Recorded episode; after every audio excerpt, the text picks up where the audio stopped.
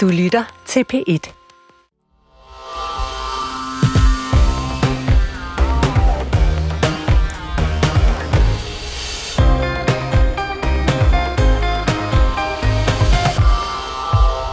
Det israelske militær oplyser her til morgen ifølge nyhedsbureauet Reuters, at man er forberedt på krig, og det sker efter, at den palæstinensiske Hamas-bevægelse har indledt et angreb på Israel.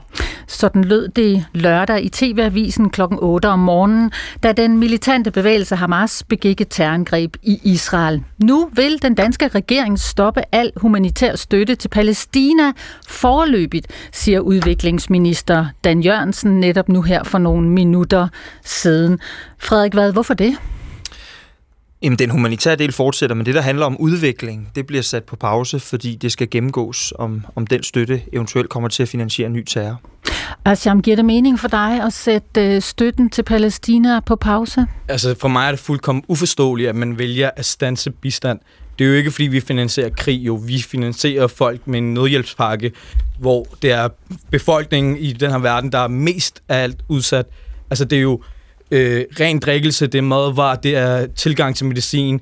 Det er jo folk, som har behov for den her hjælp, og derfor føler, synes jeg, det er usmageligt, at man vælger at stanse den her bistand.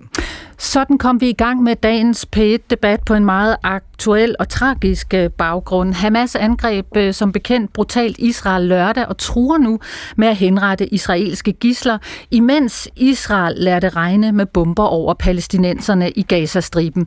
Og i dag der er EU's udenrigsminister hasteindkaldt for at diskutere netop konflikten mellem Israel og Hamas.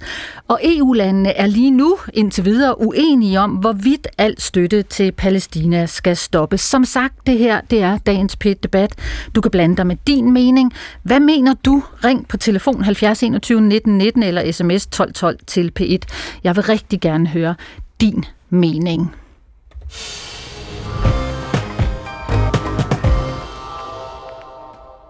De begynder at interviewe alle dem, der er kommet ud fra områderne, alle dem, der er blevet fundet, og historien er værd, det, det, den ene er værd end den anden. Det er om lemlæstede kroppe, og det er, det er folk, der er blevet brændt ind i deres hjem, efter de har blokeret deres udgang til, til hus. Det er, det er folk, der har forsøgt at flygte fra vinduer og er blevet skudt, skudt på vejen ud. Det, historien er frygtelig. Ja, det fortæller Sara Rappaport her. Hun er selvstændig og bosat i Israel i byen Holon, lidt ude fra Tel Aviv. Og øh, Sara, hun har boet i Israel i mange år. Og i lørdags efter angrebet på Israel, der skrev statsminister Mette Frederiksen på Instagram. Jeg læser lige op. Israel er i dag vågnet til et brutalt angreb fra Hamas. Allerede nu flere døde og endnu flere sårede. Det er endnu et meningsløst angreb på Israel. Vi fordømmer angrebet, og Danmark står bag Israel. Mine tanker går til offrene, deres pårørende og hele det israelske folk. Citat slut. Asham Aganadim, øh, ordentligt velkommen til dig. Jo, tak. Tak for, at jeg må være her. Det må du i hvert fald. Podcast, vært, og så er du kandidat til kommunalvalget i København fra Frie Grønne, ikke? Korrekt. Ja. Den der melding fra Mette Frederiksen, vi støtter Israel ubetinget. Hvad tænkte du lige der, da den landede på Instagram? Ja, jeg vil gerne starte med at sige, at jeg tager kraftig afstand for enhver form for drab af civile borgere. Om det er israelske civile borgere, eller om det er palæstinensiske civile borgere, så tager jeg generelt afstand et drab af civile borgere. Det er modtaget. Ja. Øhm, min reaktion på baggrund af opslaget fra Mette Frederiksen, den var, altså jeg, jeg vil sige, at jeg var chokeret. Jeg var chokeret, og jeg var, jeg synes, at, øh, at det er usmageligt, at man ikke snakker om Palæstina.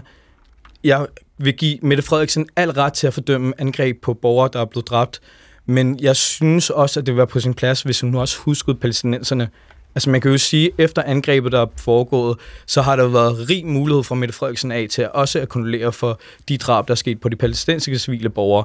Så jeg føler, at det her det er en problematik, der har varet ved i 70 år. Jeg mm. kan ikke huske, hvornår Mette Frederiksen sidst har sagt, at hun fordømmer angrebene på de palæstinensiske borgere.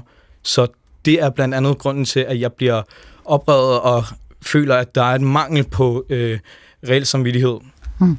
Frederik Vad, du er socialdemokrat, du sidder i Folketinget, du er kollega til statsminister Mette Frederiksen.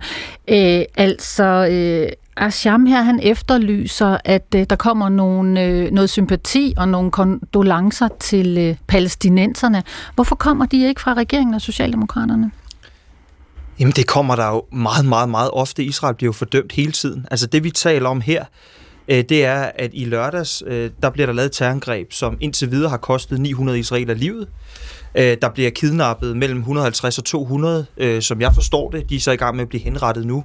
Og i den situation, hvor Israel er blevet angrebet af en terrororganisation, så laver statsministeren et Instagram-opslag, mm. hvor hun tager afstand fra det og stiller sig bag øh, Israels øh, ret til at forsvare sig i den situation. Altså, jeg, jeg kan ikke se, hvad problemet er. Vi lægger en standard ned over, hvis vi, vi skal gøre det, der bliver sagt her, så lægger vi en standard ned over den her øh, situation, som vi ikke bruger nogen andre steder. Vi, altså, hvad mener du med det? Jamen, hvis et land bliver angrebet, og 900 borgere bliver slået ihjel med det samme, 150-200 mindst bliver taget som gisler, så vil det naturligt være for en statsleder at gå ud og bakke op om det land, der bliver udsat for den forbrydelse. Mm. Ikke alt muligt andet. Og, og, og det er derfor, vi kan sagtens diskutere Israel-Palæstina-konflikten. Jeg har et meget nuanceret syn på den. Jeg er heller ikke tilhænger af Netanyahu. Men det her, det er der ingen som helst problemer i, statsministeren gør. Det ville da være mærkeligt, hvis hun gjorde det modsatte. Okay, hvis jeg skulle købe den påstand med, at Mette Frederiksen var ude og snakke palæstinensernes sag, så vil jeg gerne høre, hvorfor er det, man ikke har indført nogle politiske tiltag for at boykotte Israel? Hvorfor er det, man fortsat samarbejder med Israel, køber våben fra Israel, og dermed bakker op omkring den her konflikt, der foregår dernede? Det forstår jeg simpelthen ikke. Så du mener, at terrorangrebet i lørdags burde føre til, at den danske stat boykottede Israel? Jeg vil mene, at man skal have forståelse for, hvorfor den her konflikt er udviklet sig så meget. Jamen, jeg prøver at svare på spørgsmålet ved at sige til dig, at det her det er jo ikke en konflikt, der har været ved en uge. Det er en konflikt, der har været ved i 70 år. Men... At man på baggrund af en oprørsgruppe begynder at begå angreb, som er forudsigeligt, når det er en helt befolkningsgruppe bliver undertrykt Men det er jo ikke en oprørsgruppe, det er jo myndighederne på Gazastriben, eller i Gaza. Altså, du må, kan, kan du give mig ret i, at palæstinenserne i Palæstina er blevet undertrykt i 70 år. Ja, ja, på ja, mange vis og måder. Jeg er overhovedet ikke tilhænger af den israelske regerings fuldstændig frygtelige politik. Men det, du står og siger, er ikke rigtigt. Hamas er ikke en oprørsgruppe i Gaza. Hamas har autoriteten i Gaza. Det er Hamas, der leder Gaza. Det vil sige, det er den øh, myndigheden i Gaza, der angriber Israel. Og, og jeg synes bare, nuancerne er nødt til at komme med her, fordi jeg kan sådan set være enig med dig i, at den politik, den etnokonservative regering fører øh, i, øh, i øh, Jerusalem, den er dårlig, den bør laves om. Jeg er tilhænger af Arbejderpartiet, jeg er tilhænger af fagbevægelsen, men det du siger der, det er med til at legitimere i min optik nogle meget, meget, meget farlige tendenser, der ja. er i Europa. Det siger du, Frederik Vad, socialdemokrat og medlem af Folketinget. Asham Aganadim, lad mig lige spørge dig. Altså, vi taler om et grusomt angreb fra Hamas Velkommen. ind i Israel. Det er en terrororganisation. Store dele af det palæstinensiske folk øh, bakker op om Hamas. Øh, vi taler om at dræbe uskyldige mennesker til en musikfestival. Vi taler om at tage kvinder og børn og slå dem ihjel, og tage gisler, som Hamas nu truer med at slå ihjel et efter et. Altså, hvorfor er du ikke entydigt på det hold, der støtter det angrebne folk i Israel? Altså, jeg vil gerne lige sige, at efter min mening, så er ved at sige klart og tydeligt, at Israel er en terrorstat. Altså, hvis man følger de principper, hvis der er, der er nogen, der går hen og begår mord på civile, begynder at tage, lave blokader ved Gaza og laver lignende hændelser, som man ser fra den israelske regering, så vil jeg selvfølgelig anerkende, at det er en terrororganisation. Mm. Anerkender du, at øh, Palæstina, palæstinenserne via Hamas også er et folk, der begår terror? Jeg anerkender, at der er nogle problematikker i området, og det er en selvfølge, at når en befolkningsgruppe går hen og bliver undertrykt, at så bør man forvente, at der kommer oprør. Lidt ligesom det, som vi ser i Ukraine. Øh, Frederik Vad, som socialdemokrat, anerkender du, at Israel også begår forbrydelser, øh, overtræder menneskerettigheder over for palæstinenserne på Gazastriben? Ja, det er ikke mig, der har problemer med at indrømme, at øh, den israelske regering øh, begår, begår, øh, begår ulovligheder, øh, for eksempel, altså i forhold til folkeretten osv., men, men det er totalt irrelevant i den her sammenhæng, for nu er, vi ved, nu er vi ved at køre sporet.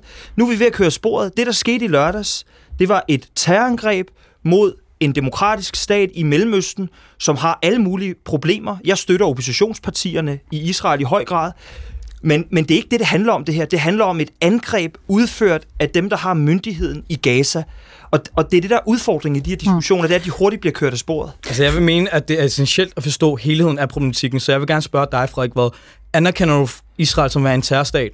Nej, det gør jeg sådan set ikke. Og jeg vil bare sige til dig, at øh, nu prøver du at drive mig rundt i manesien. Du har ikke svaret på nogle af de spørgsmål, jeg har stillet jeg dig i den her sammenhæng. Jeg har så fint Så lad mig tage over og stille øh, de spørgsmål, øh, eftersom det er mig, der er verden på dagens P1-debat. Sidder du og lytter med derude? Ring blandt dig med din mening 70 21 19 19 eller sms 12 12 til P1. Øh, Frederik, hvad... Øh, du lagde lørdag et billede på X og skrev, øh, og jeg citerer, øh, en kommentar fra den røde plads på Nørrebro til weekendens terror i Israel. Og på billedet så ser man så en flok mennesker med palæstinensiske flag, der er samlet. Din kollega, Socialdemokraten Bjørn Brandenborg, han kaldte det for klamme billeder. Hvad kalder du det? Jeg synes også, det er øh, meget, meget ubehageligt og klamt at se på, fordi øh, øh Europa er ved at blive tømt for jøder. Øh, jøder er det mest udsatte oprindelige folk, der lever i, øh, i Vesten. Det er forbundet med livsfare og flage med det israelske flag fra sin lejlighed i København.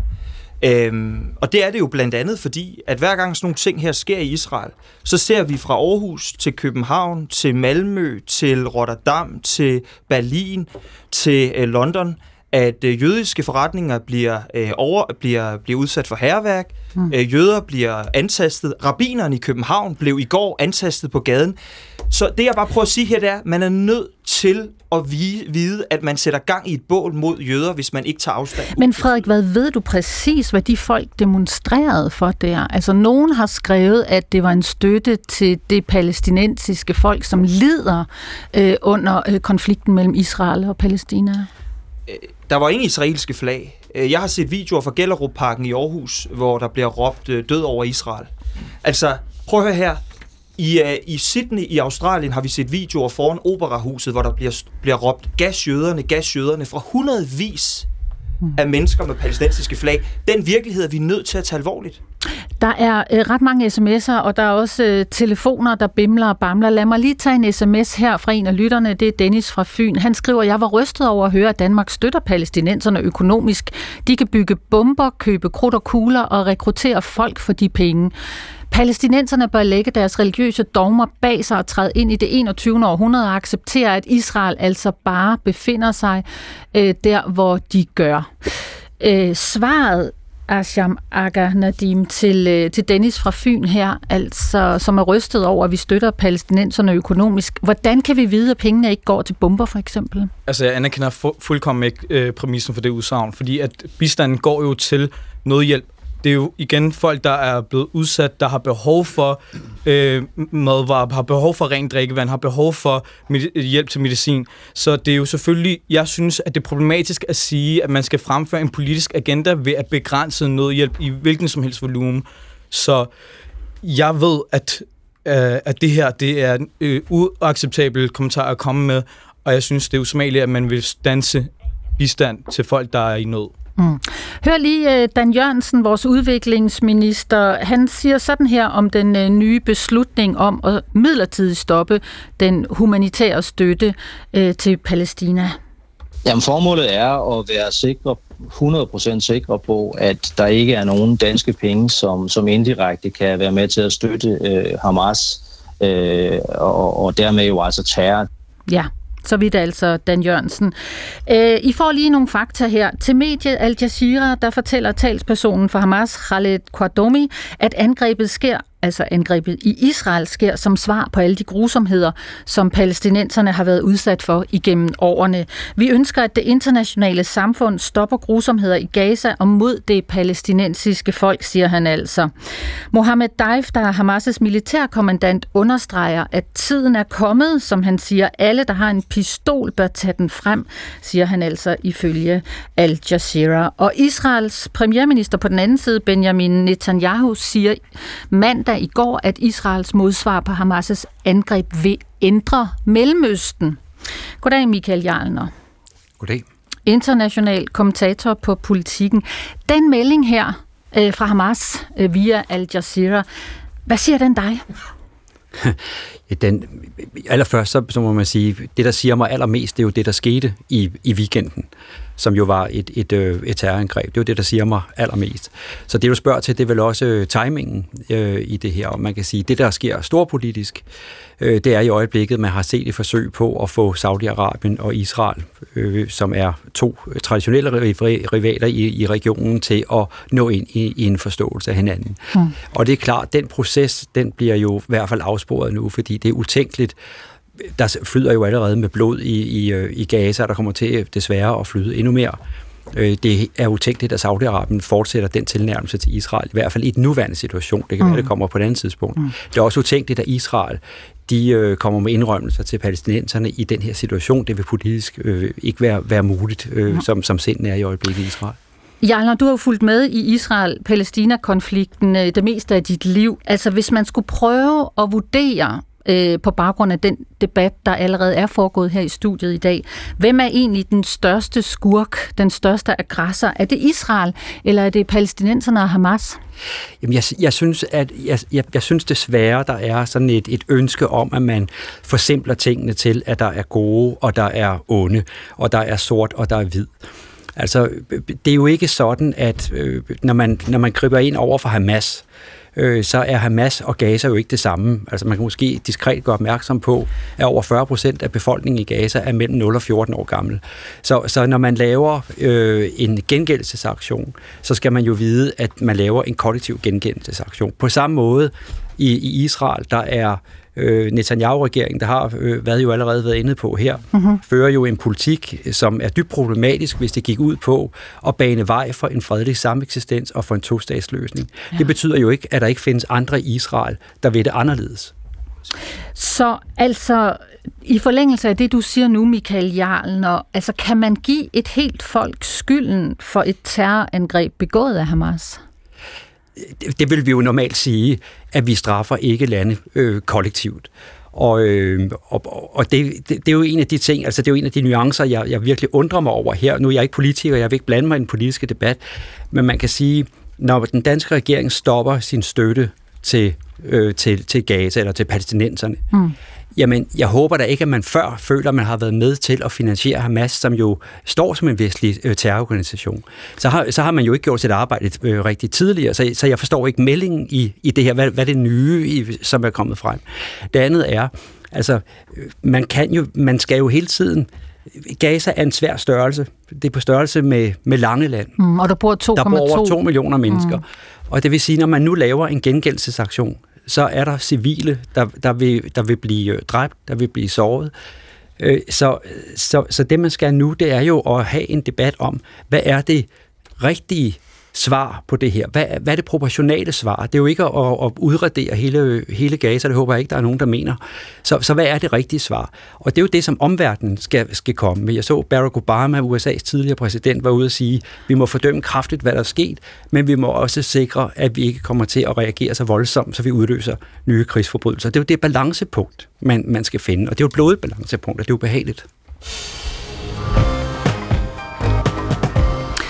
I dag fortsætter kampene mellem Israel og Hamas. Flere end 900 israelere er dræbt siden øh, Hamas angreb øh, i lørdags ind i Israel. Og i Gaza der har gengældelses, gengældelsesangreb kostet flere end 687 palæstinenser livet.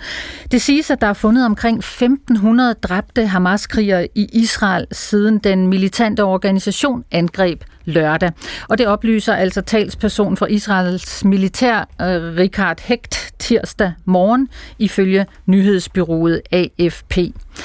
FN siger, at over 187.000 nu er internt fordrevet i Gaza på grund af frygt, sikkerhedsbekymringer og ødelæggelser af deres hjem. Og ifølge det danske udenrigsministerium, så står der cirka 800 danskere på den såkaldte danskerliste så øhm, er det jo sådan, at øh, uden udviklingsminister Dan Jørgensen netop øh, for en halv time siden gik ud med en meddelelse fra regeringen om, at nu sætter den danske regering den danske humanitære støtte til Palæstina på pause. Det lød blandt andet sådan her. Øh, det er også vigtigt at understrege, at den del af, af Danmarks bistand, som er såkaldt humanitær støtte, altså det, der går til, til de allermest basale behov, øh, det kunne være medicin eller, eller mad til, til flygtninge, den er ikke berørt af den gennemgang. Det vi taler om her, det er, er udviklingsstøtte.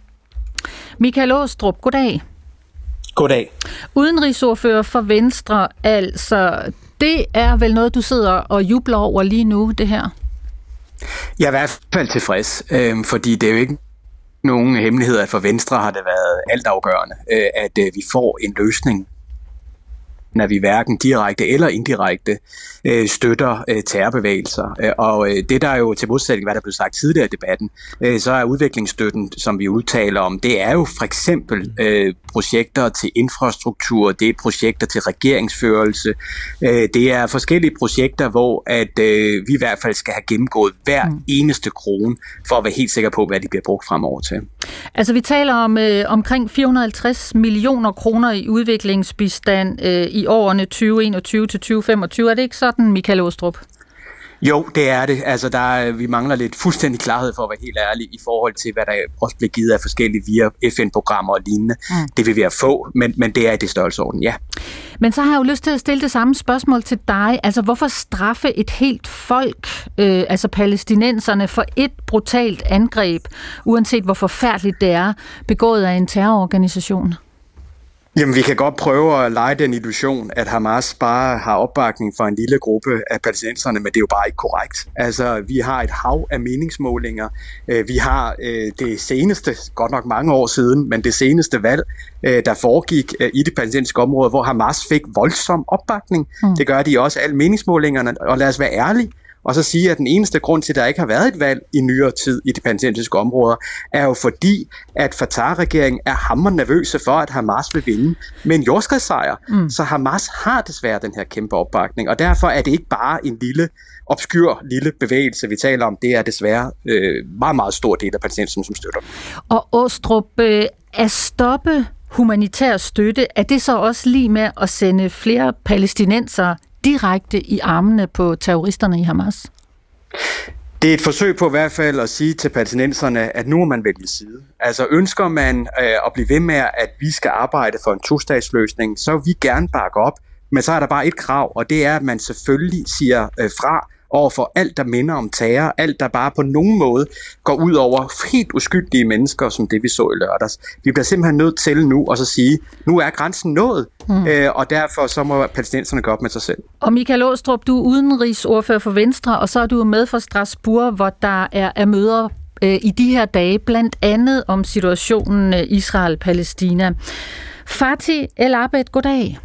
Goddag formand for Dansk Palæstinensisk Forening. Øh, det her med at stoppe al øh, støtte, humanitær støtte, øh, eller det meste støtte til, øh, til Palæstina, øh, på baggrund af det her angreb øh, i Israel i lørdags. Mm. Hvad tænker du, er det en plan, der kommer til at virke øh, fredsskabende?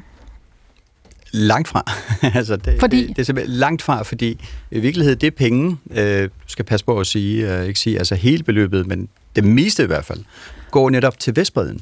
Og det vil sige, det er der, hvor dem, der i årtier nu har snakket øh, konstant om to-statsløsning, og som er blevet undermineret af både øh, den nuværende og tidligere israelske regeringer, mm. men samtidig også blevet glemt af det internationale, internationale samfund. Så i virkelighed går man ind direkte og indirekte nu og støtter op om Hamas, fordi Hamas skal sige, se det internationale samfund, og det er ikke noget anklage mod nogen overhovedet, øh, øh hverken øh, øh, mm. Henrik eller, eller, eller, eller, eller... Men den konklusion, men, men, du det, når det, frem til nu... Men altså, det hvad, ikke. Men hvad, det, det holder bare ikke på sigt overhovedet. Det er simpelthen øh, en, en, øh, en illusion at tro, at man kan simpelthen straffe et helt folk. Og netop altså straf især dem, der taler om to-statsløsning på Vestbreden. Og det er dem, man underminerer endnu en gang desværre, og svækker dem og styrker Hamas.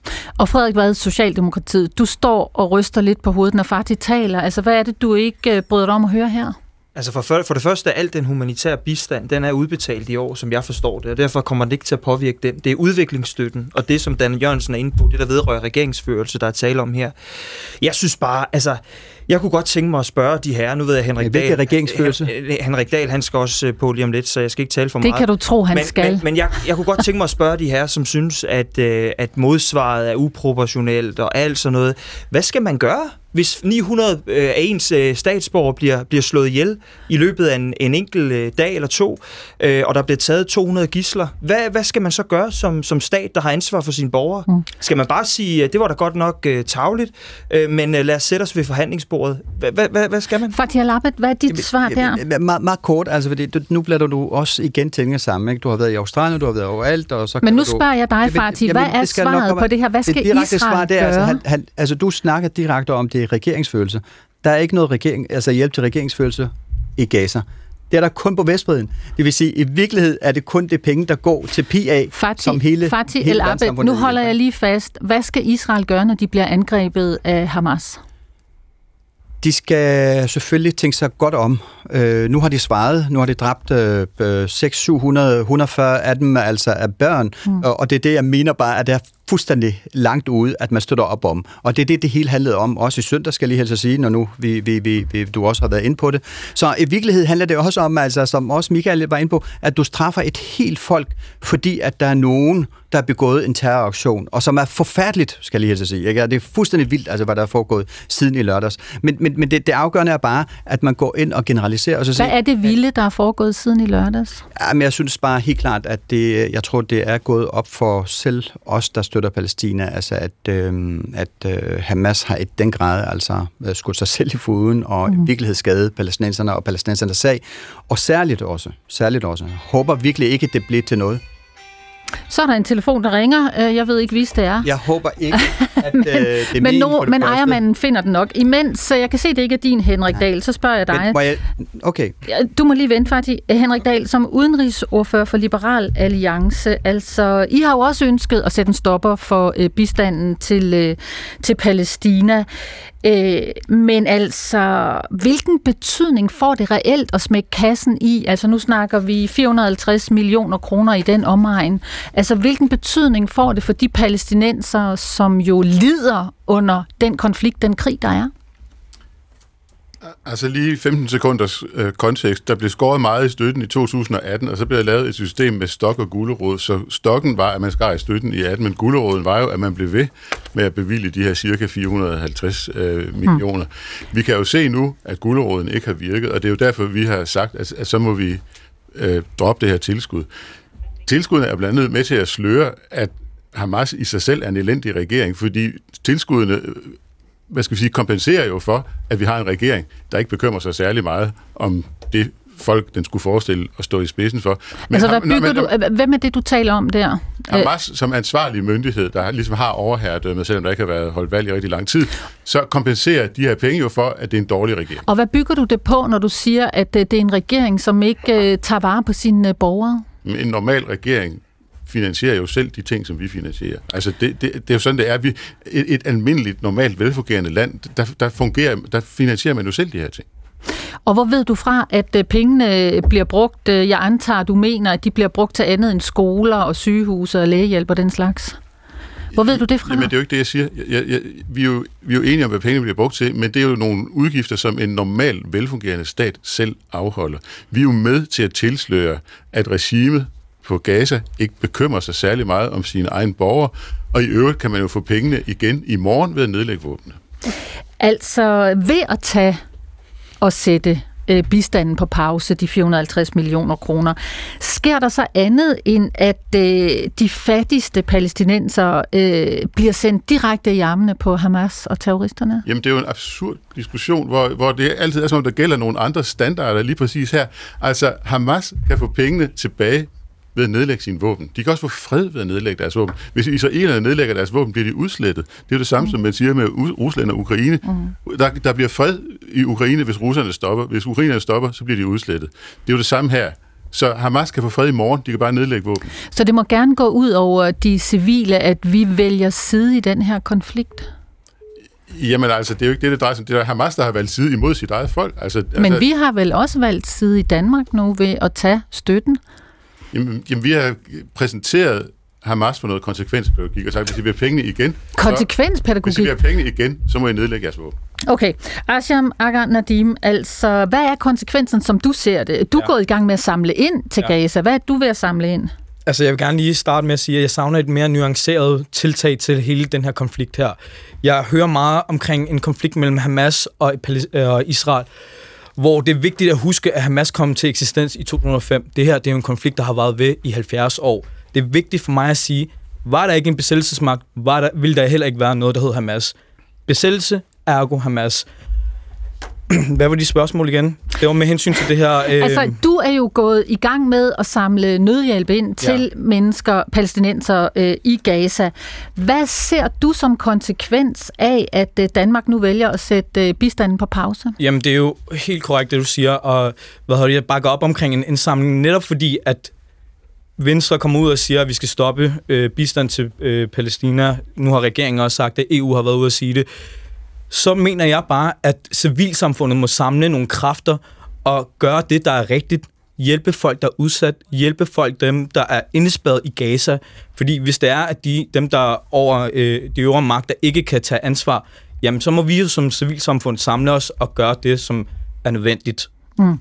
Hvordan øh, ved du øh, og vi, at øh, den bistand, som vi har sendt afsted til, øh, til Palæstina øh, i årene forud, at de ikke er gået til våben og til terrorister? Altså, nu må jeg jo være ærlig at erkende, at jeg er jo ikke en eller anden professionel inden for området, og jeg kan jo ikke sige konkret, hvad pengene direkte er gået til, men jeg har jo stærkt, øh, øh jeg er stærkt trofast til, at de penge, der er blevet udsat til bistand, er gået til nødhjælp. Mm. Fordi at det samfund, jeg bor i i Danmark, der tror jeg næppe på, at man indirekte står og bakker op om krig. Og det er vigtigt at huske, at de her angreb, der er begået på Israel, det er palæstinenserne, der lider allermest. Jeg vil mene, at palæstinenserne er bange lige nu, fordi de ved, at der kommer, og man har set et modangreb. Så jeg tror ikke, der er nogen, der ønsker, at der skal være krig. Og du, du tænker ikke, at israelerne er bange også? Selvfølgelig.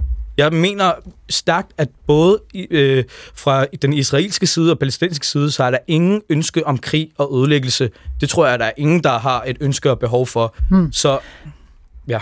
Så ja, var der en, en ekstra konklusion der? Nej, men det var bare for at gentage for at sige, at jeg tror bare ikke på, at det her det er løsningen. Jeg tror på, at der skal nogle politiske tiltag til. Jeg tror, at man skal begynde at boykotte Israel på samme måde, som man vil gøre med et hvilket som helst andet land, der fremfører apartheid. Og det er jo ikke noget, jeg står og siger.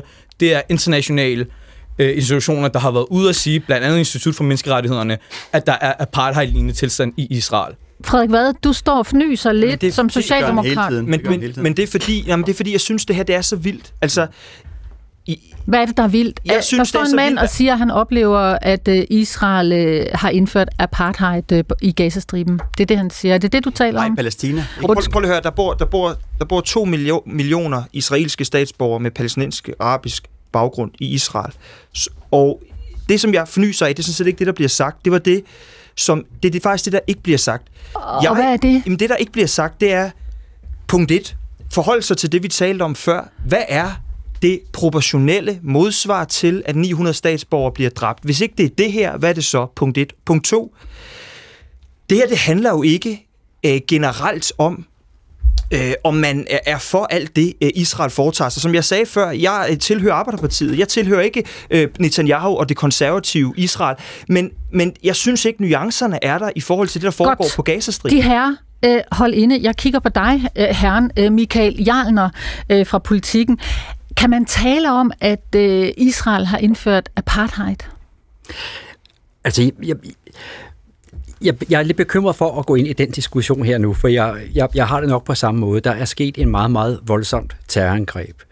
Mm. Og vi kan diskutere rigtig mange ting uden om det terrorangreb og, og sådan ting, men, men det bliver jo let øh, set som om, at man undskylder et terrorangreb. Og, og det har jeg ikke lyst til at, øh, at deltage i. Hvis du spørger mig om øh, årsagen til terroren, det sådan gør generelt, så. Mm. Øh, så vil jeg sige, en ting, man skal passe på med, som jeg også har lagt mærke til i en senere tid, det er, at man skyder skylden på Iran og siger, at det er nok Iran, der har gjort det hele, og det er dem, der står bag alting. Det er at overse, hvad konflikten går ud på, for der er en meget stor og voldsom palæstinensisk vrede, og den vrede, den er forskellige steder. Men den kan jo aldrig nogensinde være den, man skal begynde at bruge krudt på at diskutere, øh, efter man har været udsat for, for så voldsomt et terrorangreb, som, som, som tilfældet er her. Så vil jeg også gerne sige, jeg synes det er meget vigtigt, at politikerne øh, tager stilling til, at altså, Gaza er en størrelse. Der er Hamas, Øh, det, det, det første gang, jeg hører, øh, jeg ser, at Ågestrup har nogle meningsmålinger, som, som jeg altså simpelthen ikke kender til. Jeg er i tvivl om, Hamas vil vinde øh, hvad hedder det, øh, valget i, i, i Gaza, hvis de nogensinde fik sådan et. Mm. Øh, det var altså ikke et frit øh, område. Men, men 90 km derfra ligger der altså et palæstinensisk selvstyre, som er noget andet, som har afskrevet sig terror, som har underskrevet faktisk den internationale straffedomstol. Og, og derfor er det jo vigtigt, at man i sit reaktionsmønster i hvert fald sondre imellem, hvad er Gaza og hvad er selvstyreområdet 90 km derfra. Okay, vi har en lytter her. Øh, goddag, siger jeg nu til Jette Darhøj. Ja, hej. Hej. Jeg hedder Jette. Jette, og jeg er jøde, og jeg er meget ulykkelig over det, der sker. Og jeg mener, at vi har en helt forkert debat, fordi det er jo en Israel, staten Israel har jo aldrig ville acceptere, at palæstinenserne skulle have deres eget område. De er jo statsløse. Mm, det er jo rigtigt. Og, og jeg synes, vi som jøder skulle tænke på, hvor heldige vi var dem, hvor mm. mine forfædre kom til Sverige, ja. og for at jeg kan sidde her i dag. Ja. Og så synes jeg, at jeg er dybt ulykkelig, at jeg græder over, mm. at man mm. behandler et andet folk sådan. Ja. Jeg synes, det er helt forfærdeligt. Det er jo en stor magt, der går ind og bomber i et lille område. Ja. Det er helt forfærdeligt. Ja, og der er børn og det hele, og de har ikke, de har ikke haft nogen muligheder. De, altså, hvorfor Hamas er blevet så stærk? Det er jo fordi, at der er jo ikke nogen, der har bakket dem op. Vi mm. gør ikke noget, vi har glemt dem. Vi ja. har glemt dem, og hver gang FN har noget op, så nedlægger Israel og USA veto. Vi kommer ikke videre. Vi kommer ikke videre. Nej, og Jette... Og nu må vi altså... Den regering der, jeg kan ikke forstå Mette Frederik. Socialdemokratiet, nej, nej. Ja, jeg er rystet. Jeg er meget kær. Og jeg vil gerne støtte op om indsamlingen til til palæstinenserne. Det vil jeg. Og jeg kan huske en anden gang, jeg gerne ville. Der var det helt forfærdeligt, at vi sendte noget til børn og mm. både det ene mm. og det mm. andet. Ja, Jette, ja. tusind tak for dit indspark. Nu kigger jeg på dig, Frederik Vad, som socialdemokrat. Altså, det er jo tydeligt, at Jette er ret berørt her, øh, og hun forstår ikke det der med at stoppe støtten altså til det folk, som jo består af uskyldige mænd, kvinder og børn. Hvad er svaret? Jeg forstår godt, hun er meget berørt. Øh, og øh, svaret er, at som jeg sagde før, den humanitære støtte er blevet udbetalt. Mm. Nu skal det undersøges, hvad den udviklingsmæssige støtte går til, og det synes jeg sådan set er meget naturligt efter det, vi har set. Men jeg forstår godt, hun er, hun er ked af det. Altså, den her konflikt er glemt, og det er et meget, meget, meget stort problem. Øh, og det er noget af det, der også er ærgerligt med det, der er sket her i weekenden, det er jo, at Biden, som vandt over Trump, han har jo faktisk begyndt at lægge pres på den israelske regering Øh, det pres, det kommer jo til at aftage nu, efter Hamas har gjort det her. Og det er jo meget, Hvornår meget trist. ser vi Socialdemokraterne, statsministeren, regeringen lægge pres på Israel? Her i landet? Jamen, men det er jo, prøv at høre, det er jo sket i overvis. Den ene resolution efter den anden. Øh, det sker jo hele tiden at øh, Israel bliver presset. Nu havde vi så et USA, som begyndte at presse Israel. Men nu spørger jeg, jeg til den danske regering, og ikke til USA. Jamen, den danske regering har, har da taget afstand for en masse af det, der er... Men i den øh, nuværende situation, jamen, den nuværende, skal der lægges pres på Israel i forhold til en løsning på den lange bane? Jamen, prøv at høre, i den nuværende situation er Israel blevet angrebet. Det er regeringen nødt til at bakke op om, at Israel forsvarer sig selv. Debatten skrider fuldstændig lige nu. Michael Åstrup Jensen, øh, du er stadigvæk med os fra Strasbourg, ikke? Det er helt sikkert. Ja, Venstre udenrigsordfører. Har Danmark et ansvar for at finde en løsning i Gaza, altså hvor palæstinenser og israeler på et eller andet tidspunkt kan komme til at leve i fred?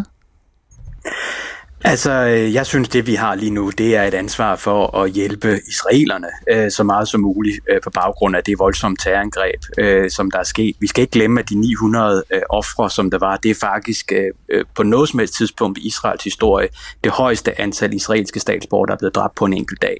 Altså, det er voldsomt. Det er, er, er noget, som vi selvfølgelig skal bakke op om. Mm. Så i forhold til to-statsløsning, som jeg selvfølgelig stadigvæk arbejder for, så må vi bare også bare være ærlige til hinanden og så sige, at den er der rykket længere væk. Den er rykket længere væk, når vi nu har den her konkrete øh, krigsførelse, som der foregår. Mm.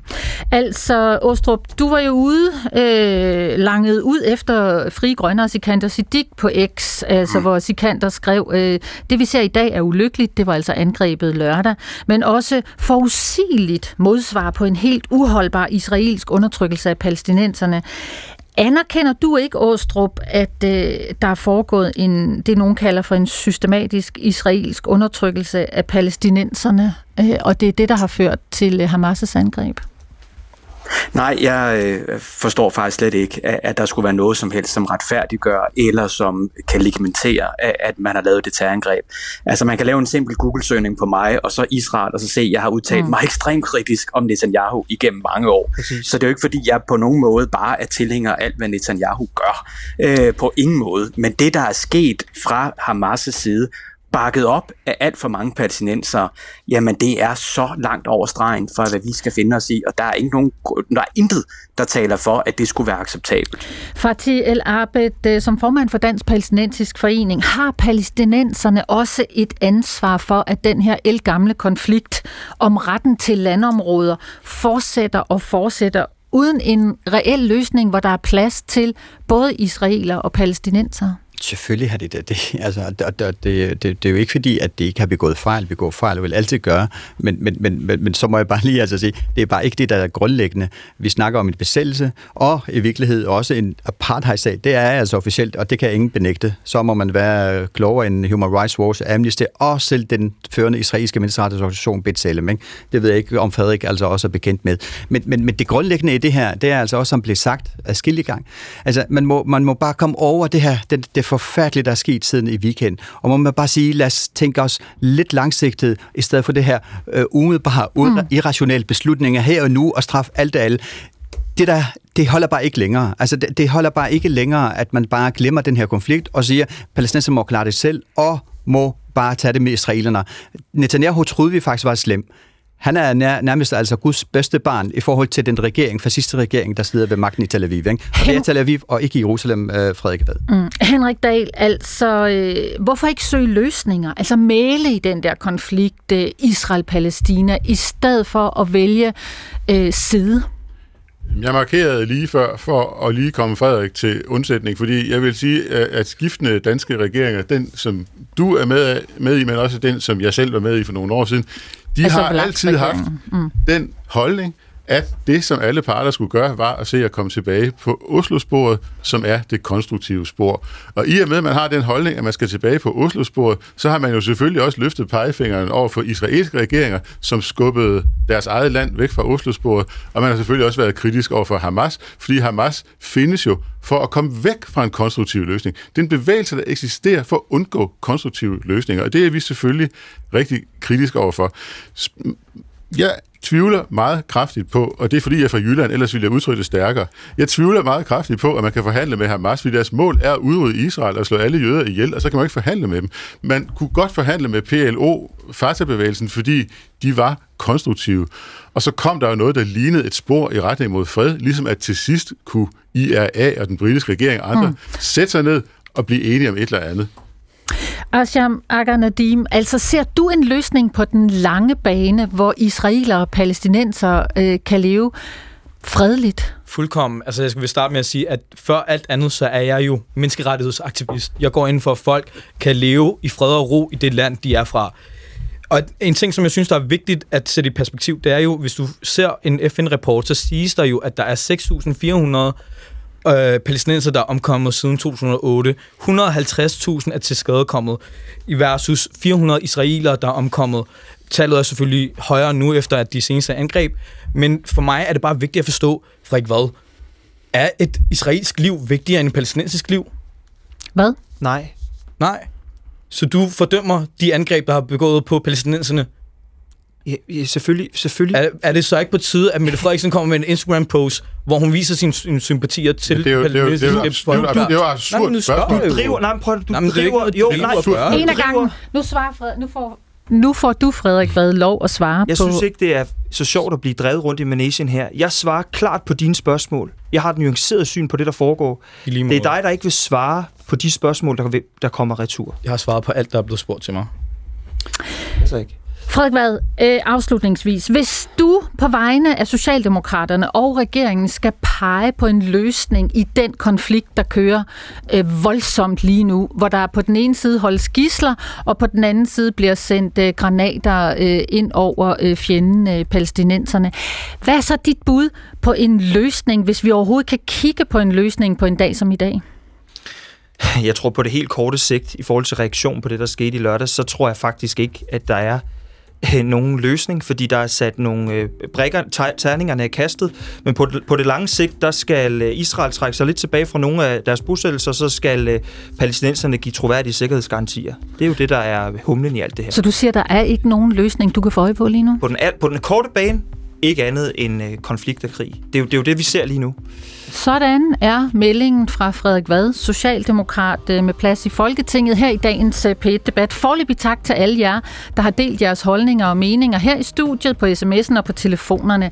Nu får I tre minutters friske nyheder fra Radioavisen, så vender vi tilbage og fortsætter diskussionen. Hæng på, bliv ved at skrive og ringe. I skal nok komme igennem øh, her øh, efter tre minutters friske nyheder. Dem får du her fra øh, Radioavisen. Klokken den er 13. Skal vi fjerne al udviklingsstøtte til Palæstina som konsekvens af Hamas' blodige angreb på Israel, som nu har kostet over 3.100 menneskeliv, fordelt på både israeler og palæstinenser? Ja, siger øh, den danske udviklingsminister Dan Jørgensen, og det lyder her for en times tid siden sådan her. Jamen formålet er at være sikre 100% sikre på, at der ikke er nogen danske penge, som, som indirekte kan være med til at støtte øh, Hamas øh, og, og dermed jo altså terror. Ja, og det spørgsmål, hvorvidt man skal sætte øh, udviklingsstøtte på pause til Palæstina, øh, det splitter i Europa, for skal alle palæstinensere bøde for de angreb, som Hamas står bag? Det er, hvad vi diskuterer her i dagens P1-debat. Du kan blande dig øh, på telefonen, og du kan sms'e 1212 til P1, eller du kan ringe med din mening 70 21 19 19. Vi vil rigtig gerne høre den.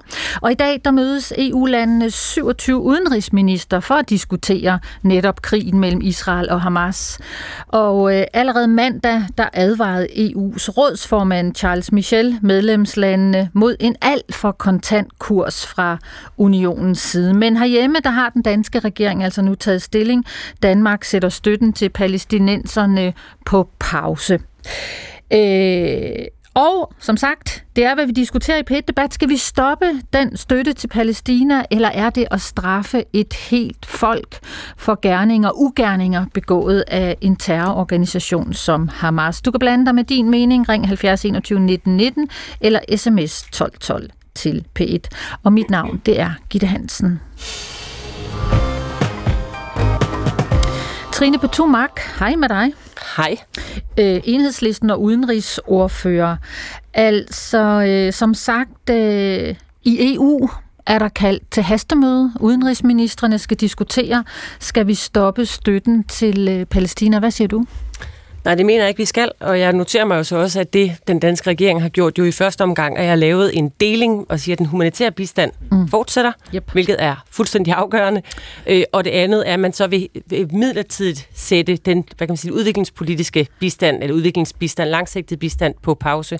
Jeg synes, det er super ærgerligt, hvis det er et forkert signal at sende, også fordi man må antage, at man i Udenrigsministeriet i forhold til bistand til Palæstina, såvel som alle andre steder i verden, hvor vi giver udviklingsbistand, løbende monitorerer monitorere og overvåger, at de her penge bliver brugt til det, man har givet dem øh, til. Mm. Øhm, og derfor synes jeg, det er et ærgerligt signal. Jeg synes, det er fint Hvad, hvad at sige, mener man, du med et ærgerligt signal? Altså, fordi det er ret forhastet at sige, at nu indstiller vi støtten til øh, menneskerettighedsstøtte, til øh, unges øh, uddannelse, til unges mulighed for at komme ind på arbejdsmarkedet, øh, for hele det, der egentlig har med den politiske hvad kan man sige, udvikling i Palæstina at gøre, og menneskers rettigheder. Og sætte det på pause, fordi en terrororganisation har begået et forfærdeligt terrorangreb mod Israel. Jeg synes, det er forkert at straffe kollektivt. Det var også det, du var inde på indledningsvis, at, at, øh, og debatten gik på lidt før. Mm. Og det andet er, at vi har vel ikke en formodning om, at dansk udviklingsbistand går til terror. Så fint at undersøge, men der er jo ikke nogen grund til symbolsk at sige, nu fryser vi den, indtil vi ved mere. Mm. Men altså, hvis vi kigger på EU's samlede støtte øh, til selvstyret, øh, så svarer det til omkring 5 milliarder danske kroner. Altså kan vi forsvare at sende så store beløb afsted fra EU til et styre, der jo står bag blodige angreb, gisseltagninger, som slår øh, mænd, kvinder og børn ihjel, som vi har set det i weekenden? Jamen EU sender jo ikke penge til Hamas. Altså Hamas er på EU's terrorliste. Det er ikke der, vi sender pengene. Det, Men vi sender ved penge, du, det, at sender... pengene eller nogle af pengene ikke ender i hænderne på Hamas til køb af våben? Som jeg sagde før, jeg er helt sikker på, at for hver en krone euro, der bliver sendt til de palæstinensiske områder, der er der også en monitorering af, hvordan de penge bliver forvaltet, og at de går til det, man har lavet aftaler om. Det synes jeg er udgangspunktet. Mm. Og der må vi forlade os på de myndigheder, der skal lave den form for overvågning. Det politiske, som er det, jeg står for at diskutere, det er, synes jeg, det er et rigtigt signal. Det hele er jo politik. Men er det et rigtigt signal at sende til den palæstinensiske civilbefolkning, at vi straffer jer alle sammen for den ugerning, der er begået i lørdags, og som vi jo kun kan have fordømmelse til, over for, til overs for. Øh, men skal vi straffe en hel civilbefolkning for det? Det mener jeg er forkert. Mira, som øh, har ringet øh, til Pet Debat, øh, er her. Hej Mira. Hej. Du ringer fra København. Øh, du er dansk ja. palæstinenser. Det er jeg. Ja. Hvor er din familie henne? Ja, i Danmark. Så har vi også nogle i Gazastriben og nogle i Otterfarområderne. Ja. Øhm, hvad tænker du om den beslutning, som den danske regering nu har truffet om at sætte en midlertidig stopper for udviklingsbistand til øh, Palæstina? Jeg må ærlig at sige, at det er fuldstændig absurd, men det kommer ikke som et chok. Men jeg ringer faktisk, fordi jeg har et spørgsmål, vi skal svare på fra ja. Frederik. Okay, du har et spørgsmål til Frederik Vad fra Socialdemokratiet. Er det i orden, Frederik? Lige præcis. Ja, det han nikker. Han svarede ikke på Ashens uh, spørgsmål, så jeg prøver igen. Okay. Når vores statsminister går op og siger, når der er blevet angrebet på Israel, og siger, Danmark står bag i Israel. Hvorfor gør hun ikke det samme, når Palæstina, Gaza-striben specifikt bliver angrebet hver år i ramadan af Israel? Frederik Vad, har du et svar til Mira her? Altså, det, det konkrete der, øh, der kan jeg ikke lægge hoved på blokken og sige, om statsministeren har taget afstand fra det specifikt, men jeg kan bare sige, at skiftende regeringer, og mit parti også, har taget afstand øh, gang på gang på gang fra øh, ulovlig øh, både bosættelsespolitik, men også angrebspolitik fra den meget, meget konservative israelske regering, som jeg ikke støtter. Så jeg har ikke noget behov for at svare på de her spørgsmål. Og jeg er ikke pro-Netanyahu. Jeg foragter den politik, der bliver ført. Øh, men, men jeg synes måske, at den anden side skulle være lidt mere nuanceret. Jeg for, fornemmer ikke, der er nuancer på den anden side. Du står og ryster på hovedet. Det er ikke Trine, jeg hentyder til der. Nej, men du ryster alligevel på hovedet, Trine, på Tumark. Hvorfor gør du det? Ja, det er jeg synes simpelthen, det er for nemt, Frederik. Det må du undskylde mig. Men altså, selvfølgelig, jeg mener ikke, der kan være andre svar på det, der foregik i lørdags, end at fordømme det. Det terrorangreb, det var, og den terror, det er et udtryk for. Det kan man kun have fordømmelse til overs for. Men jeg synes også, det er rimeligt spørgsmål at stille fra den, det, som spørgeren stiller her. Altså det er, der har jo været, og vi har jo diskuteret det i overvis, om vi i virkeligheden fra dansk europæisk side stiller os ordentligt over for den palæstinensiske civilbefolkning, når den igennem år er blevet udsat for diskrimination, krænkelser, jord, der er blevet taget bort, øh, mennesker, der er blevet fængslet øh, vilkårligt, civile, der er blevet dræbt, Gaza, som er låst inde af israelsk hvad kan man sige, kontrol. Mm. Og det er super svært at tale om i dag, fordi vi står alle sammen med lørdagens billeder og historierne på det mm. på bagkant. Det var også noget, det Jan var inde på tidligere. Det gør det jo svært, fordi det hele er meget hvad kan man sige, det er ikke bare, fordi det er følelsesladet, men fordi det er svært at tale om, når et land er blevet angrebet. Men Trine, savner du ligesom Mira her også, at øh, der også er øh, en statsminister, der rækker ud øh, mod palæstinenserne? Altså, jeg generelt, jeg synes, det, hun, det statsministeren siger med at sige, at øh, vi, vi øh, fordømmer det angreb, der har været på Israel. Vi bakker Israel op i Israels øh, legitime ret til at forsvare sig. Det synes jeg er fint at sige. Der, hvor jeg faktisk bliver, hvis jeg skal være helt ærlig, lidt bekymret, det er, når hun siger ubetinget. Der, man kan jo ikke have en ubetinget støtte til et lands øh, militære aktioner. Man er jo nødt til at se på, om det land også begår krigsforbrydelser. Så på den måde tænker jeg, at det, den ubetingethed er vel betinget af, at Israel holder sig inden for folkeretten og krigen. Men du svarede heller ikke på spørgsmålet, Trine Patumak. Savner du også en statsminister, der rækker hånden ud mod palæstinenserne i situationen, som den er lige nu? Lige nu, der skal hånden jo rækkes ud mod Israel. Det synes jeg ikke Så er det er et nej? Jamen, jeg, jeg har savnet det generelt, og jeg tror også, det er det, spørgeren i virkeligheden taler mm. om. Frederik, hvad? Jeg tror faktisk, en af grundene til, at jeg også synes, det er vigtigt, at Mette Frederiksen lavede det statement der i lørdags, det er fordi, at øh, vi kommer til at se ind i en periode nu, hvor det bliver ultra, ultra farligt at være jøde i Europa og i mange øh, vestlige lande. Vi ser, hvordan antisemitismen blomstrer, og derfor synes jeg også, det er vigtigt at lave det statement, fordi jøderne er det mest udsatte oprindelige folk, vi har i Europa og i Danmark, og det bliver en meget, meget svær tid for dem. Så også derfor synes jeg, det var vigtigt. Det er jo forbundet med livsfar, som jeg sagde før, at flage med et israelsk flag i landets hovedstad, København. EU's øh, rådsformand Charles Michel skriver på det sociale medie X, vi må hverken afskære de civile palæstinensere fra den hårdt tiltrængte udviklingsstøtte eller den humanitære bistand. Det vil Hamas kun udnytte, og det vil kun forværre spændingerne og hadet. Henrik Dahl, som udenrigsordfører for LA, forstår du det rationale? Jeg kan godt forstå, hvad Charles Michel han mener, men mm. jeg er ikke enig med ham, fordi jeg er tilhænger af, at man nu får sagt, at Hamas kan melde sig ind i det gode selskab og opføre sig som en civiliseret aktør, der bevæger sig i en konstruktiv retning, mm-hmm. og så vil den her øh, bistand selvfølgelig øh, komme tilbage. Det er klart. Og i den forstand er der jo tale om en form for konsekvenspædagogik. Meld jer ind i det gode selskab, så kan vi snakke om det. Mm. Konsekvenspædagogik, Trine Patumak, giver det mening for dig?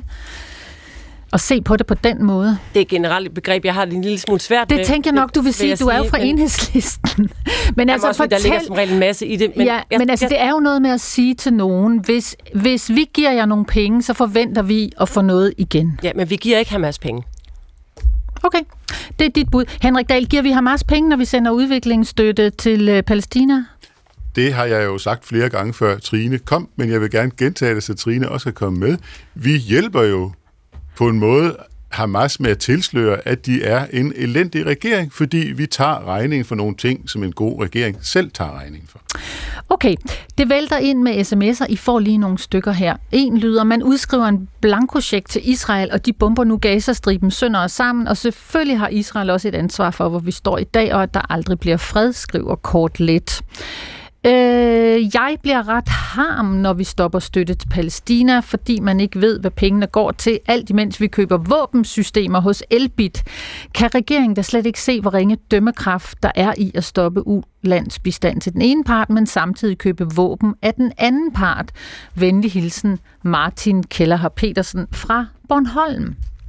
Så er der en her. Øh, Mette Frederiksen skulle have sagt, øh, at hun føler med offrene på palæstinensisk side. Dem er der jo også mange af imellem offrene. Jeg synes, at det er koldt og kynisk ikke at føle med de palæstinensiske ofre, kun med israelerne.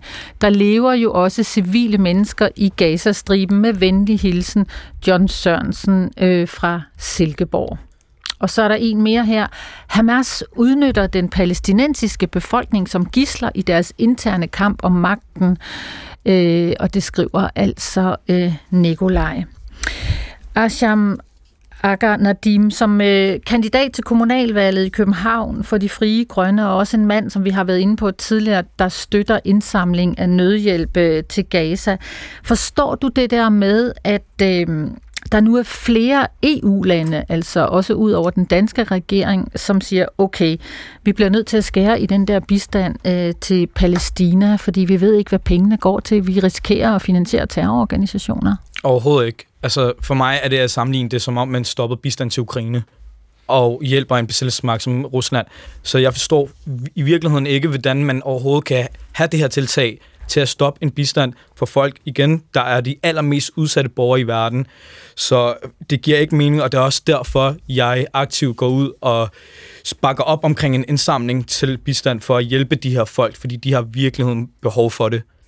Mm. Og vi kan jo så sent som i dag høre, at man har lavet en fuldkommen blokade til Gaza jo. Det er jo folk, der er indespærret, de kan jo ikke komme ud. Ja, altså Israel blokerer. Ja. ja. Øh, Henrik Dahl først, og så Frederik Vad. Det er jo absurd, det vi hører, fordi Hamas og Rusland har jo det til fælles, at de vil udslette deres modstandere, de vil udslette landet, de vil udslette den kultur, som de er gået op imod, mm. og de vil fysisk udslette deres modstandere. Det er to alen ud af et stykke. Og, altså igen, som jeg har sagt før, altså Ukraine bliver udslettet, hvis de holder op med at slås. Rusland kan få fred bare ved at holde op med at slås. Altså, Hamas kan få fred ved at holde op med at slås. Israelerne bliver udslettet, hvis de holder op med at slås. Nadim? Ja, har den her konflikt ikke stået ved før Hamas eksistens? Hamas kom jo til i 2005 jo. Igen, det er jo ikke en problematik mellem Hamas og Israel. Det her det er en problematik mellem Israel og Palæstina. Så jeg tror tværtimod, at det er Israel, der ikke gider at stoppe indtil, at der bliver sket en etnisk udrensning af Palæstina. Du ved jo lige så godt som mig, eller du burde i hvert fald vide det, at Hamas opstod, fordi PLO slog ind på det konstruktive spor. Jeg ved, at der har været en konflikt i landet i 70 år plus. Godt, så er der en sms her. Selvfølgelig skal støtten stoppes omgående. Den skulle aldrig have været givet, slet ikke efter at Palæstina øh, stemmer på Hamas og lader de tosser bestemme noget som helst. Hamas' erklærede mål er at jage jøderne tilbage i havet. Øh, det skriver altså Jens med venlig hilsen fra Aarhus. Altså nu har jeg øh, de seneste dage hørt flere øh, drage den der sammenligning mellem altså øh, Rusland, Ukraine og Israel, Hamas. Frederik hvad som socialdemokrat, altså øh, er der gang i noget forskelsbehandling her i forhold til, hvem regeringen støtter? Nej, øh, men jeg bliver faktisk en lille smule påvirket af den her situation. Ja. Fordi at jeg synes, den debat, vi har i kølvandet på det angreb, der er i lørdags, viser, hvad der er blevet det grundlæggende problem for både Danmark, Europa og Vesten, nemlig mm. at der bliver stillet en masse, masse spørgsmål mm. til øh, nogle af os, som mener jeg, har en nuanceret position i forhold til både konflikten, men også står fast på noget, der burde være grundlæggende, nemlig at folk, der bliver angrebet, de skal have mulighed for at forsvare sig selv. Og det kan godt være, at der på Christiansborg er et flertal for, for at øh, gøre det, jeg mener er rigtigt. Men kulturverdenen, de influencers, der er på sociale medier, den debat, der er ude på digitale platforme, den er enormt hadfuld mod jøder, og den er enormt hadfuld mod folk, som insisterer på, at der er nogle nuancer i det her. Altså, hvad, hvad, hvad, hvad man ikke modtager af beskeder i forhold til det her. Det har du også gjort. Ja, ja, men, men det er bare... Jeg, jeg tror bare, at den debat, vi har her, den gør det sværere at være jøde i Europa den kommende tid. Hvad det, det synes jeg er meget, meget, meget sørgeligt. Hvad er det for nogle beskeder, du får, som er hadfulde? Jamen, det er der mange, der får. Det er jo bare altså, føje for en sionistrotte og jødesvin og tage dig ned, og så kan du se, hvordan det er. Og overrabineren blev som sagt antastet i går, og vi har set vi har set en sindssyg antisemitisme de sidste tre dage skylle ind over vores kontinent. Og, og jeg vil bare sige til jer, det, det, det, er, det, det, det er farligt det er farligt, den måde, vi diskuterer det her på. Det, det, det får nogle kræfter til at vokse i vores samfund, Hvad, som hvorfor, er Prøv lige at fortælle, hvorfor er det farligt at snakke om det her? Jamen, det er farligt at snakke om det på den her måde, fordi øhm, der er færre og færre derude, der kan finde ud af at skille mellem staten Israels regering mm. og så jøder. Det er der færre og færre, der er i stand til at mestre den kunst. Siger du, Frederik Vad fra Socialdemokratiet. Øh, Michael Jarlner, øh, international øh, kommentator på politikken. Altså det, som Frederik taler om her, det er farligt med den måde, debatten kører på. Altså, hvad tænker du om det? Jeg, jeg tænker, at det, jeg har lagt mærke til, øh, når man rejser i Mellemøsten i, i de seneste mange år, det er, at der er sket en, en stigende polarisering, en stigende grad af gensidig dehumanisering. Man ser ikke længere hinanden som mennesker, man ser hinanden som mål, øh, og man diskuterer ikke længere det forfærdende i, at man slår børn og unge ihjel på, på nogle af siderne. Det, der også slår mig her, det er, at i gamle dage var det sådan, at der var der en moderation, der foregik udefra. Men nu er det som om, vi har importeret polariseringen, og vi diskuterer polariseret. Og derfor øh, synes jeg også, det, det, det er rigtigt, hvad Patomark siger, at når, når statsministeren taler om en ubetinget støtte, så, så er det jo ikke med til at moderere. Øh, Barack Obama talte om, at man selvfølgelig står bag øh, Israel 100%, men man skal samtidig også passe på, at man ikke overdriver sit modsvar. Det er min frie fortolkning af det, ja, ja. jeg sagde, men det, det, det var ideen i det. Mm-hmm. Og, og her, der gør ord noget på samme, på samme vis, så betyder det selvfølgelig noget, at hvis palæstinenserne tager klart afstand fra hvad hedder det, et terrorangreb, så står de jo også et, et meget bedre sted for den fremadrettede diskussion. Og må jeg ikke lige sige en lille bitte ting til, når Henrik Dahl taler om, om konsekvenspædagogik, så er der jo øh, en omvendt øh, konsekvenspædagogik i, at man fjerner støtten til lige præcis det selvstyre på Vestbreden, som ikke accepterer volden, altså som har taget afstand fra, fra Hamas. Og, og det er jo en anden del de har taget afstand. Det, det har de jo gjort ved, at de hvad hedder det, spaltede sig øh, i sin tid. De blev du fordrevet. Ikke, de du har ikke kunnet få selvstyre til at tage afstand til det, der skete i weekenden. Nej, men de har i hvert fald ikke stået bag vold. Er vi ikke enige om det? De, de har ikke været en del af den her terroraktion. Hvis man bare kigger den anden vej til weekendens begivenheder, så synes jeg, man har et problem. Ja, ja, men altså, jeg vil bare sige, konsekvenspædagogikken det her, det er et selvstyre, som i hvert fald ikke har haft noget som helst at gøre med det, der skete i weekenden, så vidt det i hvert fald nu er belyst, øh, bliver også ramt af, af din øh, konsekvenspædagogik, mm. og det er selvfølgelig noget, man må, må diskutere. Så er der en sms her, den lyder sådan her, så længe Hamas ikke anerkender Israel, så kan der ikke blive fred. Der skal to til en tango. Venlig hilsen, Marie Larsen fra Vordingborg. Trine Petumark, øh, du markerede. Jamen det er fordi, jeg vil virkelig gerne give Frederik ret i, at den debat, der er ikke bare siden i lørdags, men generelt, når man har den her diskussion, bliver meget ofte meget polariseret, meget forsimplet og meget hadefuld. Altså jeg tror ikke, jeg, jeg kan ikke tælle, hvor mange beskeder jeg har fået om, hvor stort et svin jeg er med de synspunkter, jeg har, selvom jeg jo konstant fordømmer det terrorangreb, som alle andre bør gøre og har gjort. Øh, men der er jo, det er jo både noget med, at man ikke kan skelne den enkelte israeler, eller jøde for den sags skyld, fra staten Israel. Det er jo det samme, der sker, når man ikke kan skelne øh, den enkelte palæstinenser fra Hamas, men laver kollektiv afstraffelse. Derfor er der jo ikke...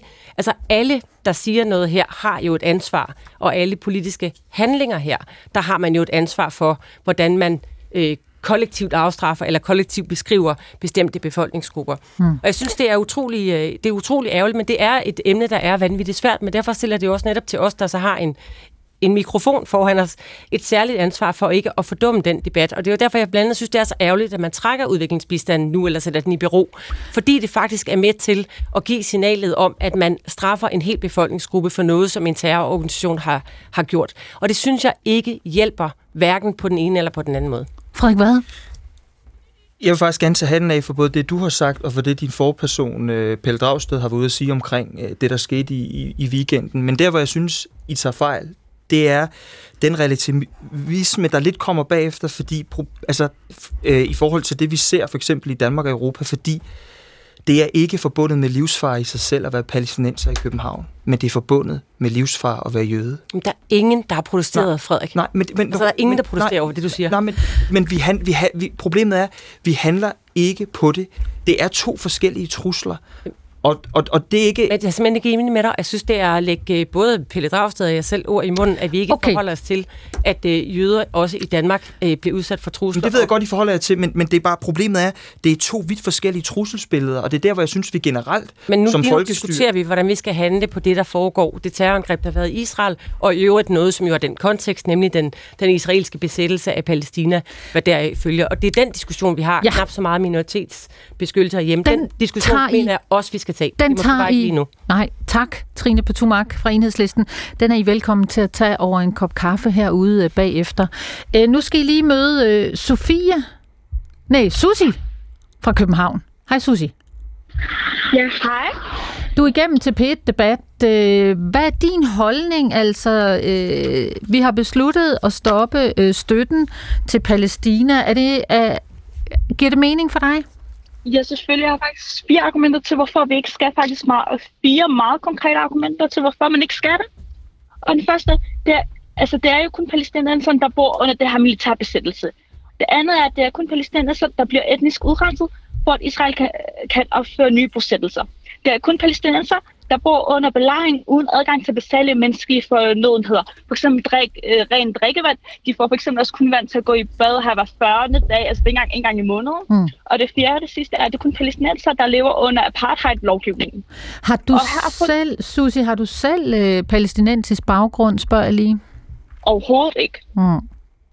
Okay, så det der med at stoppe støtten øh, til Palæstina, det er bare et stort nej tak fra dig af? Jamen, det er det jo, men det er også fordi, at det her det er jo ikke en konflikt, der er sket hen over weekend. Det her det er en konflikt, der har en meget større baggrund end egentlig, hvad vi ser i de her danske medier. Hvis vi bare kigger på det, altså indtil videre, så er der 200 uskyldige civile mennesker, der, altså, der er døde, øh, altså der er angrebet af israelsk militær besættelse før mm. weekenden. Okay, godt. Henrik Dahl, har du øh, et svar til Susi her? Altså, jeg hører jo bare en hel masse sådan øh, pro-palæstinensisk øh, retorik, øh, hvor jeg savner nogle balancer i det ting, der bliver sagt. Fordi jeg synes jo, og og det skulle også have været sagt før, at, at meget af den kritik, der kommer mod Israel, ikke det alt sammen, for jeg er også kritisk over for Israel, men meget af det, der har man jo ligesom klippet konteksten ud, altså man sender en by af raketter ind over Israel, og så forsvarer Israel sig, og så klipper man lige byen med raketter ud, og så siger man, der kan I bare se, hvor nogle store svin uh, israelerne er. Men lige den sekvens, hvor man forsvarer sig imod raketterne, bliver, bliver klippet ud. Altså, Israel er jo oprettet med et FN-mandat og blev angrebet i 1948, få dage efter landet var oprettet, tre år efter holocaust. Altså, det er jo fuldstændig vanvittigt. Og Israel har jo ret til at eksistere. Og der er jo en konstruktiv løsning, og det er jo om at få alle parter ind på den konstruktive løsning. Jeg vil, Nadim? Gerne, mm? ja, jeg vil gerne takke alle de lytter, der ringer ind, fordi det tegner et perfekt billede af, hvordan den danske befolkning forholder sig til den nuværende sag. Altså, det er uforstående, at man som værende apartheid, som flere internationale institutioner har været ude at sige, at Israel agerer som, at man ikke konsekvens boykotter ligesom man gjorde med Sydafrika dengang de var en apartheidstat. Okay, der er en anonym israeler, der har ringet til programmet, som ikke ønsker at komme igennem på telefonen, men som stiller det spørgsmål, som jeg nu videre stiller til jer nu.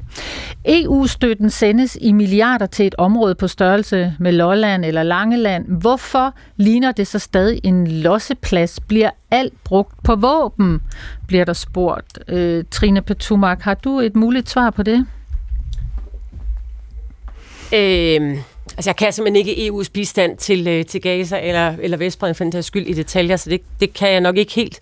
Men det man kan sige er jo, at øh, det er ret ulykkeligt, at øh, så stor en del af den, den befolkning, der bor og lever og aldrig har været udenfor Gaza, er så dybt afhængig af udenlandsk øh, humanitær bistand. Og det er jo et faktum. Jeg tror, at tallet er, at 8 ud af 10 gazanere faktisk er afhængige af humanitær bistand det vil sige mad, vand, beskyttelse. Mm. Øh, og det er jo noget af det, som de her penge blandt andet går til. Frederik, hvad, øh, jeg ved ikke, om du har været i området, men har du et svar øh, på det spørgsmål, som jeg lige læste op her fra en anonym israeler? Jeg har været i en kibbutz tre kilometer derfra, som har, har rødder til Arbejderpartiet, som nu er brændt ned, og de fleste er kidnappet eller slået ihjel for tre år siden. Men jeg har ikke været i, i Gaza. Øh, jeg har ikke noget svar. Det eneste, jeg hæfter mig ved, det er, at den person vil gerne være anonym, mm-hmm. og alle de andre havde ikke noget problem med at stå frem. Hvor, hvorfor er det vigtigt at få sagt? Fordi det er sådan, det er. De mennesker, jeg har på besøg på mit kontor med jødisk baggrund, som bliver udsat for chikane, som har skiftet skole i hovedstadsområdet flere gange, fordi de bliver udsat for mobning, øh, og ikke kan stå ved, hvem de er, de tør aldrig nogensinde lægge navn og ansigt til det, de siger. Aldrig. Ikke i et land som Danmark. Det tør de ikke. Det siger du, Frederik Vad, socialdemokrat, øh, medlem af Folketinget. Øh, jeg vil gerne have lov at takke jer for at komme og tage den her øh, svære diskussion øh, på trods af hadfulde øh, beskeder, øh, og øh, at det er en voldsom konflikt, og der er mange følelser øh, på spil. Tak for jer alle sammen, for en god tone, og for faktisk at tale øh, rimelig ordentligt til dem, I allermest uenige med. Og også tak til alle jer lyttere, som ringede og skrev øh, på alle platforme her. Øh, vi nåede desværre ikke at få jer alle sammen med, men bliv endelig ved. Øh, lige pludselig så ryger I igennem. Pet Debat øh, blev i dag skruet sammen af Camilla Michelle Mikkelsen og Tobias Hermann, og nu får du lige om et øjeblik det nyeste afsnit af Genstart om angrebet på Israel. Og mit navn, det er Gitte Hansen. God dag.